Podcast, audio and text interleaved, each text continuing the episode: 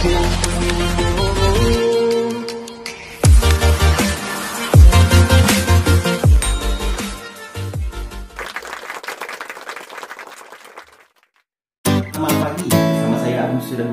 Kembali lagi di Bio Education Podcast. Podcast yang selalu menemani Anda di mana pun Anda berada Yang kita selalu sharing-sharing dan berisikan konten tentang parenting, coaching, dan motivating. Dan ada juga eh, materi-materi tambahannya seperti materi Q&A Itu adalah hasil dari pertanyaan-pertanyaan dari teman-teman semuanya di rumah Viewers di rumah, terima kasih Saya ucapkan Terima kasih banyak kepada yang sudah bertanya maupun yang sudah memberikan usulan gitu kepada Bio Education Podcast. Dan ada lagi satu lagi itu tentang dunia pendidikan atau dunia pendidikan dan dunia homeschooling dunia karena kita di sini sudah beberapa tahun ini bergelut di dunia pendidikan.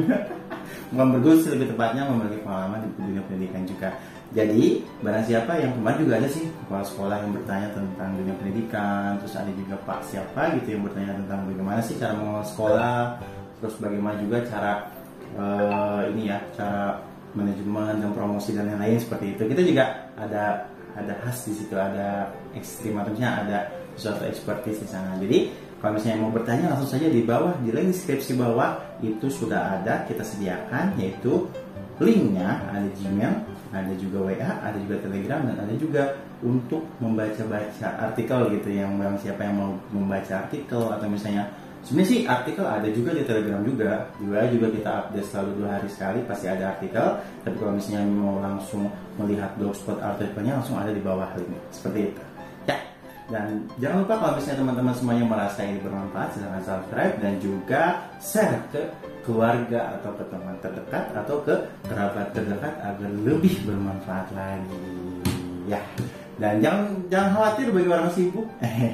Bagi orang yang bisa tidak menurut aduh katanya YouTube mah habisin waktu gitu kan. Saya di perjalanan saya lagi kerja.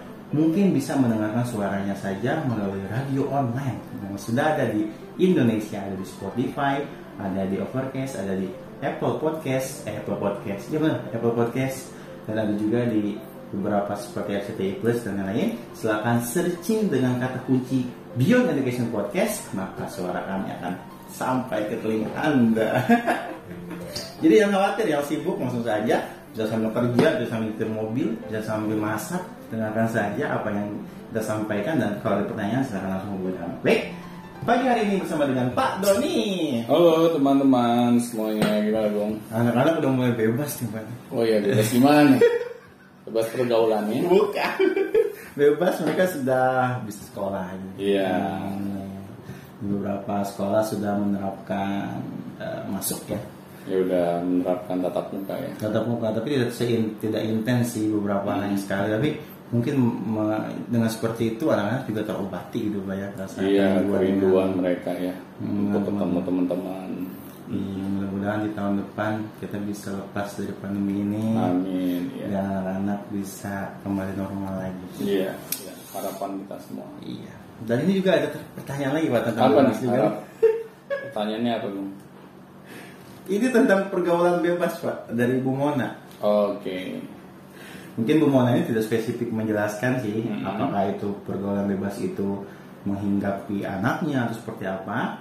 Namun pertanyaannya, ya intinya sih Bu Mona ini meminta tips menghindari pergaulan bebas untuk anak remaja. Oh tipsnya Yes. agar anak remaja terhindar dari pergaulan bebas. Ya, Oke. mungkin kita mulai dari pergaulan bebas itu apa sih? Ya. Jadi di masa-masa remaja ini kan masa-masa yang paling rentan ya. Kenapa? Karena mereka secara fisik tidak bisa lagi disebut usia anak-anak. Tapi mereka secara mental mereka belum siap. Mereka ada di masa transisi antara usia anak-anak menuju ke usia dewasa. Tetapi masalahnya, kalau usia-usia remaja ini tidak ada peran orang tua sama sekali dalam mendampingi mereka, akhirnya mereka akan sangat mudah terjerumus di dalam dunia pergaulan bebas. Karena masa remaja ini usia-usia yang di mana mereka ini banyak ingin tahunya. Mereka ingin banyak mencoba segala hal yang sebelumnya ketika mereka di usia anak-anak mereka tidak memiliki kuasa gitu untuk melakukan hal itu semua karena secara fisik mereka masih belum ini ya belum Ah. mapan gitu ibaratnya Ah. cocok lah gitu ya mereka masih kecil ya Kecil, iya. Nah akhirnya mereka hanya sekedar penasaran saja gitu melihat orang-orang dewasa di sekitarnya melakukan hal-hal yang mereka ingin tahu gitu. Nah tetapi ketika mereka sudah memiliki fisik yang cukup besar, akhirnya mereka merasa punya kuasa untuk melakukan hal-hal itu semua. Iya, sudah bisa bertindak lebih ya lebih Ah. yang tadinya mungkin nggak boleh jauh dari rumah sekarang udah bisa ke mana Iya. sendiri aja gitu. Benar. Hmm. Kayak dulu misalnya ketika mereka masih usia SD, mereka masih kecil, mereka Ya. melihat orang-orang dewasa di sekitar mereka misalnya uh, merokok gitu ya. Mereka kan pasti ada rasa penasaran gitu. Kok kayaknya orang-orang dewasa pas ngerokok itu nikmat banget gitu. Ketika mereka bertanya kepada orang tuanya, terus mereka uh, ingin mencoba juga yang ada kan orang tuanya malahan marahin mereka gitu kan mereka dibilang apa namanya ingin tahu aja itu kan hanya orang dewasa yang bisa melakukannya kamu ini masih anak-anak nah akhirnya hal tersebut membuat mereka semakin penasaran dan ketika mereka sudah memiliki fisik yang besar Hmm. ya akhirnya rasa ingin tahu itu semakin apa ya uh, membuat mereka tertarik gitu menjadi untuk jadi Ah, kan. untuk mencobanya gitu Betul, betul.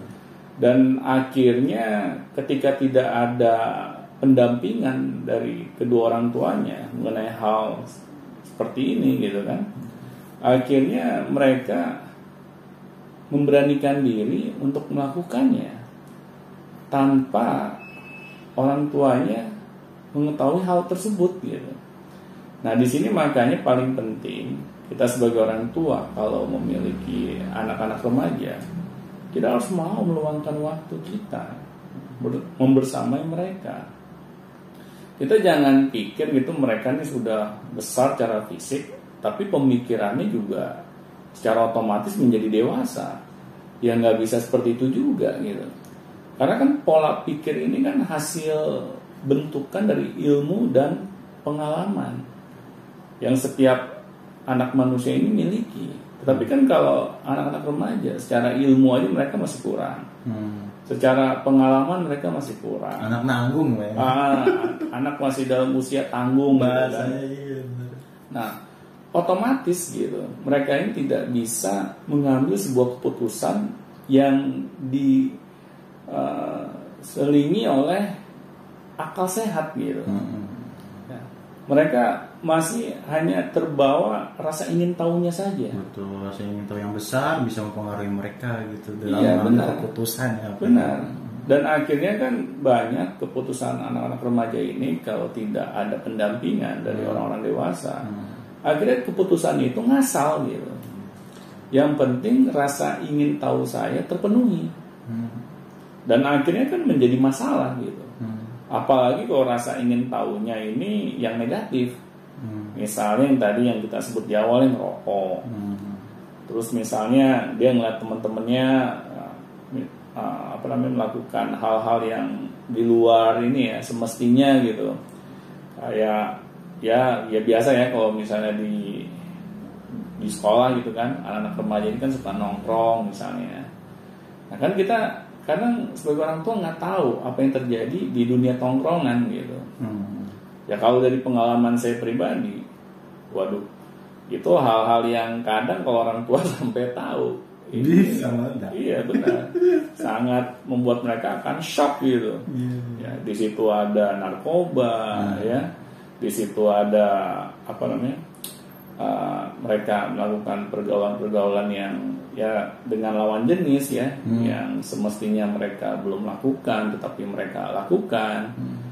karena di dunia tongkrongan ini mereka merasa ada kebebasan gitu Hmm. ya karena nggak ada orang-orang dewasa yang bisa mendampingi mereka pada saat mereka nongkrong. Wah, berarti sebenarnya kalau dari pengalaman apa dari dunia tongkrongan itu berarti pendidikan yang biasanya di sekolah tentang eh, bahayanya ini, bahaya pergaulan bebas, bahaya ini itu enak, tidak cukup pak apa bagaimana? Emang diajarin? Kali aja diajarin gitu pak. Kalau seingat saya nggak ada. Oh, nggak ada. gitu. Iya, iya. Ya, Karena kadang pihak sekolah itu kan fokusnya hanya dunia akademis. Hmm. Ya, mereka tidak mengajari gitu bagaimana sih kita harus berpikir, kita harus bertindak ya sebagai anak remaja. Kita tidak diajarkan gitu. Yang ditekankan di dunia sekolah ini bagaimana nilai kita harus bagus, nilai pendidikan akademis pula gitu. Bukan hal-hal yang lain gitu yang sebenarnya lebih penting gitu. Pendidikan karakter yang saya lihat dulu di zaman saya sekolah itu benar-benar kayaknya tidak ada porsinya gitu. Hmm, Sama sekali tidak ada ya. Sama sekali nggak ada. Makanya pas di dunia tongkrongan ini kita bebas aja. Bebas aja gitu. Iya, Sedangkan kalau kita nih mengenyam pendidikan agama Hmm. waktu di zaman saya sekolah ya hanya sekedar hafalan gitu. Hmm. Maju ke depan satu-satu ya setoran Detail. hafalan gitu kan. Oh, berarti tidak cukup ya pas Tidak cukup gitu, hanya sekedar ritual ibadah. Hmm. Tapi pola pikir anak-anak remaja ini tidak dibentuk. Hmm. Oleh karena itu ya wajar lah kalau anak-anak remaja kita ini sotoy gitu. Mereka bertindak ya semau gue gitu. Tetapi pada saat momen-momen di ma- di mana saya ini ya ada di masa-masa remaja itu, saya berpikir kenapa sih kok kita sukanya membuang-buang waktu gitu kan untuk hal yang tidak bermanfaat. Saya nggak tahu kenapa tiba-tiba terlintas gitu pikiran seperti itu. Masa remaja. Pak. Ah, ada malaikat lewat kayaknya. nah, terus akhirnya saya melihat kenapa anak-anak remaja melakukan hal itu. Hmm. Karena kita tidak diarahkan ya, pendidikan yang harusnya kita ini ya jalani Dapatkan. itu mengarah kepada penggalian potensi kita. Hmm. Akhirnya anak-anak remaja ini merasa bahwa ya datang ke sekolah ini sekedar menggugurkan rutinitas saja gitu. Agar kita bisa eh, mendapatkan nilai rapot atau nilai ijazah gitu. Hanya sekedar itu, tapi potensi yang kita miliki ini tidak terasah sama sekali gitu. Akhirnya ya energi kita tidak tersalurkan pada tempatnya. Nah oleh karena itu ya wajar gitu ketika anak-anak remaja nih Hmm. kita tidak diarahkan sesuai dengan potensi yang kita miliki. Akhirnya kan kita melakukan tindakan-tindakan yang aneh-aneh gitu. Iya.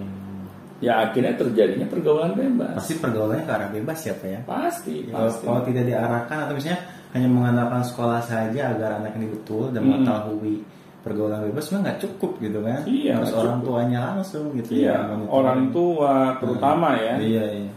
Kemudian guru-guru di sekolah. Hmm. kan karena mereka ini lebih banyak menghabiskan waktunya ya kalau nggak di rumah ya di sekolah kan Iya dua itu ya. Ah, nah, nah, akhirnya kan di sini harus ada kerjasama gitu antara pihak ah, orang tua dan pihak sekolah tetapi kalau ini juga tidak kejadian ya akhirnya anak remaja ini tidak memiliki panutan gitu akhirnya ketika mereka tidak ada yang bisa mengarahkan mereka dengan baik, terus tidak ada role model yang bisa ditiru, Hmm. akhirnya ya sudah mereka bablas gitu.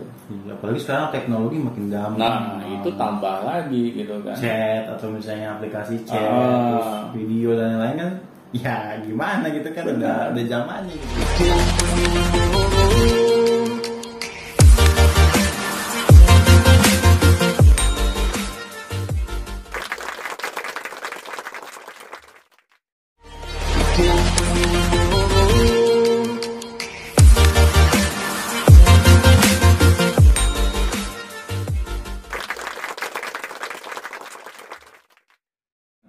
Kita juga tidak bisa menyalahkan teknologi ya kan karena yang tadi Agung bilang ini zamannya gitu. Malahan kita harus bisa menjadikan teknologi ini suatu hal yang bermanfaat bagi kehidupan kita.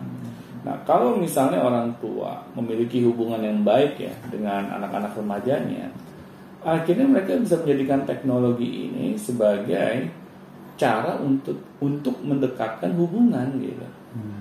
Ya. Ya, berkomunikasi bisa lebih intens ya. Anak kita ada di mana kita bisa hubungi, kita bisa tanya kabarnya dan anak juga merasa bahwa orang tuanya peduli gitu kan.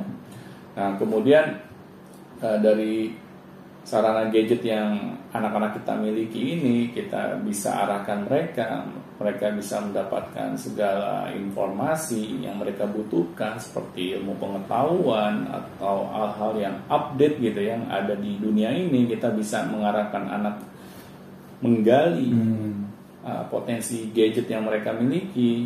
Nah akhirnya kan ada nilai-nilai positif gitu di sini Nah, tetapi kalau orang tua tidak mengajarkan, pihak sekolah tidak mengajarkan, ya bagaimana anak-anak remaja ini bisa tahu kan? Malah arahnya ke pergaulan bebas itu. Nah, ya. itu. Nah, waduh, juga Iya. sih. Tapi untuk gini Pak, kalau misalnya sebenarnya sahabat itu gimana ya? Anak, anak punya sahabat Hmm. nih biasanya. Dan sahabat itu berpengaruh nggak sih terhadap anak ini bergaul bebas atau tidak? Dengan siapa dia berteman gitu? Sangat sangat berpengaruh gitu. Hmm. Di agama saja kan udah disebutkan ya, dengan siapa engkau bergaul, Hmm. kau akan menjadi mereka gitu. Iya. Nah makanya di sini kan pentingnya gitu, bagaimana nih pihak orang tua, pihak sekolah mengajarkan anak kita bagaimana mereka dapat memilih teman-temannya gitu kan, agar mereka tidak salah dalam pergaulannya gitu. Mereka dapat memilih teman atau komunitas yang tepat. Hmm, malah mereka yang harus memilih sebenarnya. ya. Benar. Bukan mereka yang terpengaruh sebenarnya. Benar. Iya.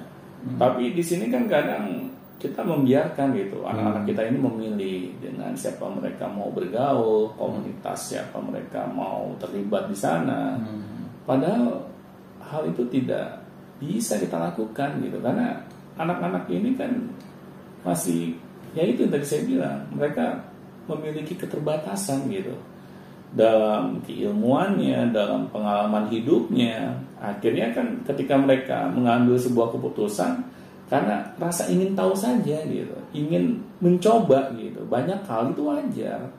Nah, di sini orang tua dan pihak sekolah bisa menjadi filter bagi mereka.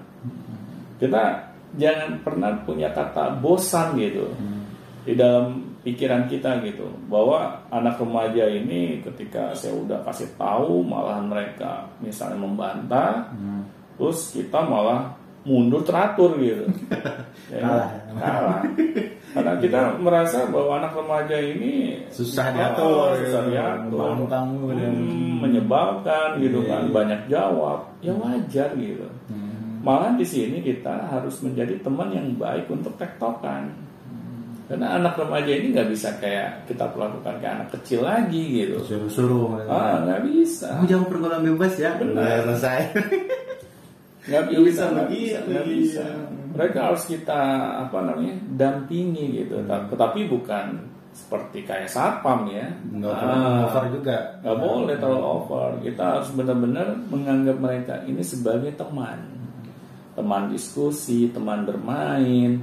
Nah akhirnya anak-anak remaja ini senang gitu berada di dekat kita. Tetapi kalau apa-apa kita marahin, apa-apa kita apa namanya dikte, kita gurui gitu kan, akhirnya mereka juga capek ngeliat kita gitu. Iya. Kadang dengan malah ada yang pergaulan bebas itu awalnya dari situ terkadang ya Pak. Misalnya dia dimarahi guru, Hmm.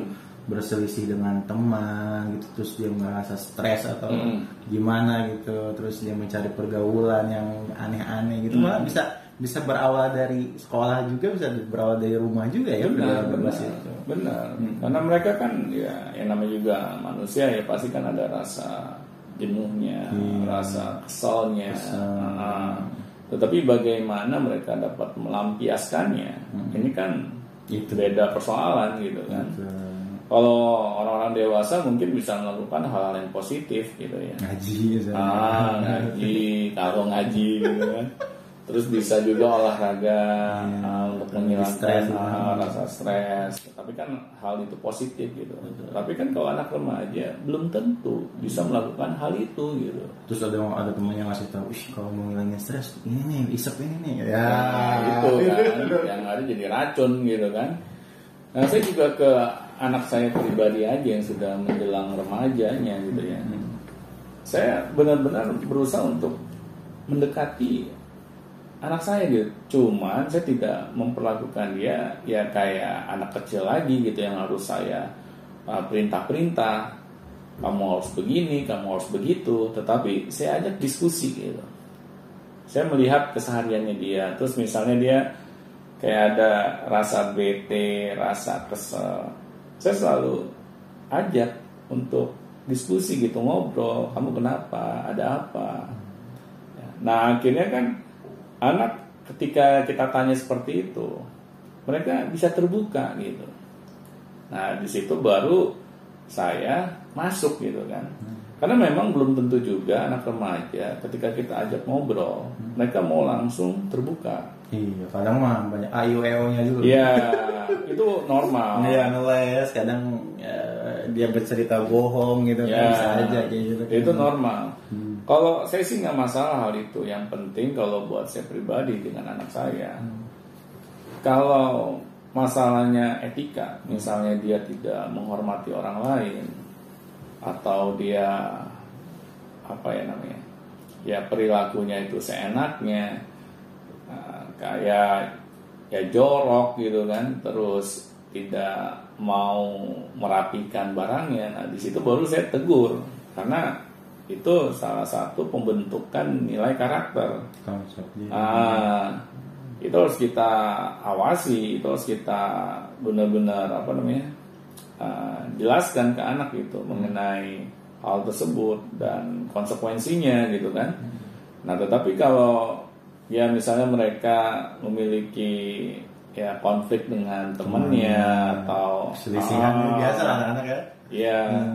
Nah itu saya ajak diskusi. Nah, agar apa? Agar anak ini punya teman untuk mencurahkan hatinya. Nah, tetapi kalau orang tua dua-duanya sibuk, ya kan, nggak jelas kapan pulangnya, gitu. Ya bagaimana gitu? Anak-anak kita ini punya teman diskusi. Masa diskusinya sama tembok gitu kan? apalagi kalau misalnya mereka udah pulang sekolah gitu kan nggak ada guru yang bisa diajak ngobrol nggak bisa ada teman yang bisa diajak ngobrol akhirnya karena ada yang cuma tembok gitu kan ya kan nggak mungkin gitu Ngomong sendiri. ah Keren gila. benar akhirnya mereka jenuh mereka eh, browsing di internet ya Iya. kan apalagi mereka punya akses untuk itu betul. akhirnya mereka kan ya ketemu hal-hal yang negatif gitu Betul. Nah di sinilah akhirnya orang tua itu bisa-bisa ya kena ininya gitu, getahnya gitu. Kalau kalau mereka ini tidak aware di situ gitu, bahwa anak-anak remaja kita ini membutuhkan kita loh. Ya. Kalau bukan orang tuanya, siapa lagi gitu yang bisa memberikan kenyamanan, ketentraman di dalam anak-anak remaja kita ini menjalani masa-masa kehidupannya. Berarti kembali lagi kepada kita sebagai orang tua ya Pak ya. Iya. Bahwa anak remaja itu jangan dianggap sudah dewasa. Nah itu tetap harus dalam kontrol dan tetap juga harus dalam kita menemani mereka dan support mereka. benar tepat sekali. Oke baik, terima kasih banyak Pak Sama-sama semoga bermanfaat. Dan jangan lupa kalau misalnya ada yang bertanyakan silakan tentang kenakalan remaja atau misalnya pergaulan bebas langsung saya kirimkan ke pertanyaan di bawah ini di deskripsi.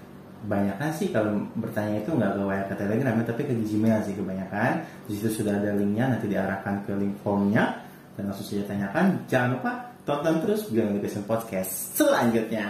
Sampai jumpa teman-teman.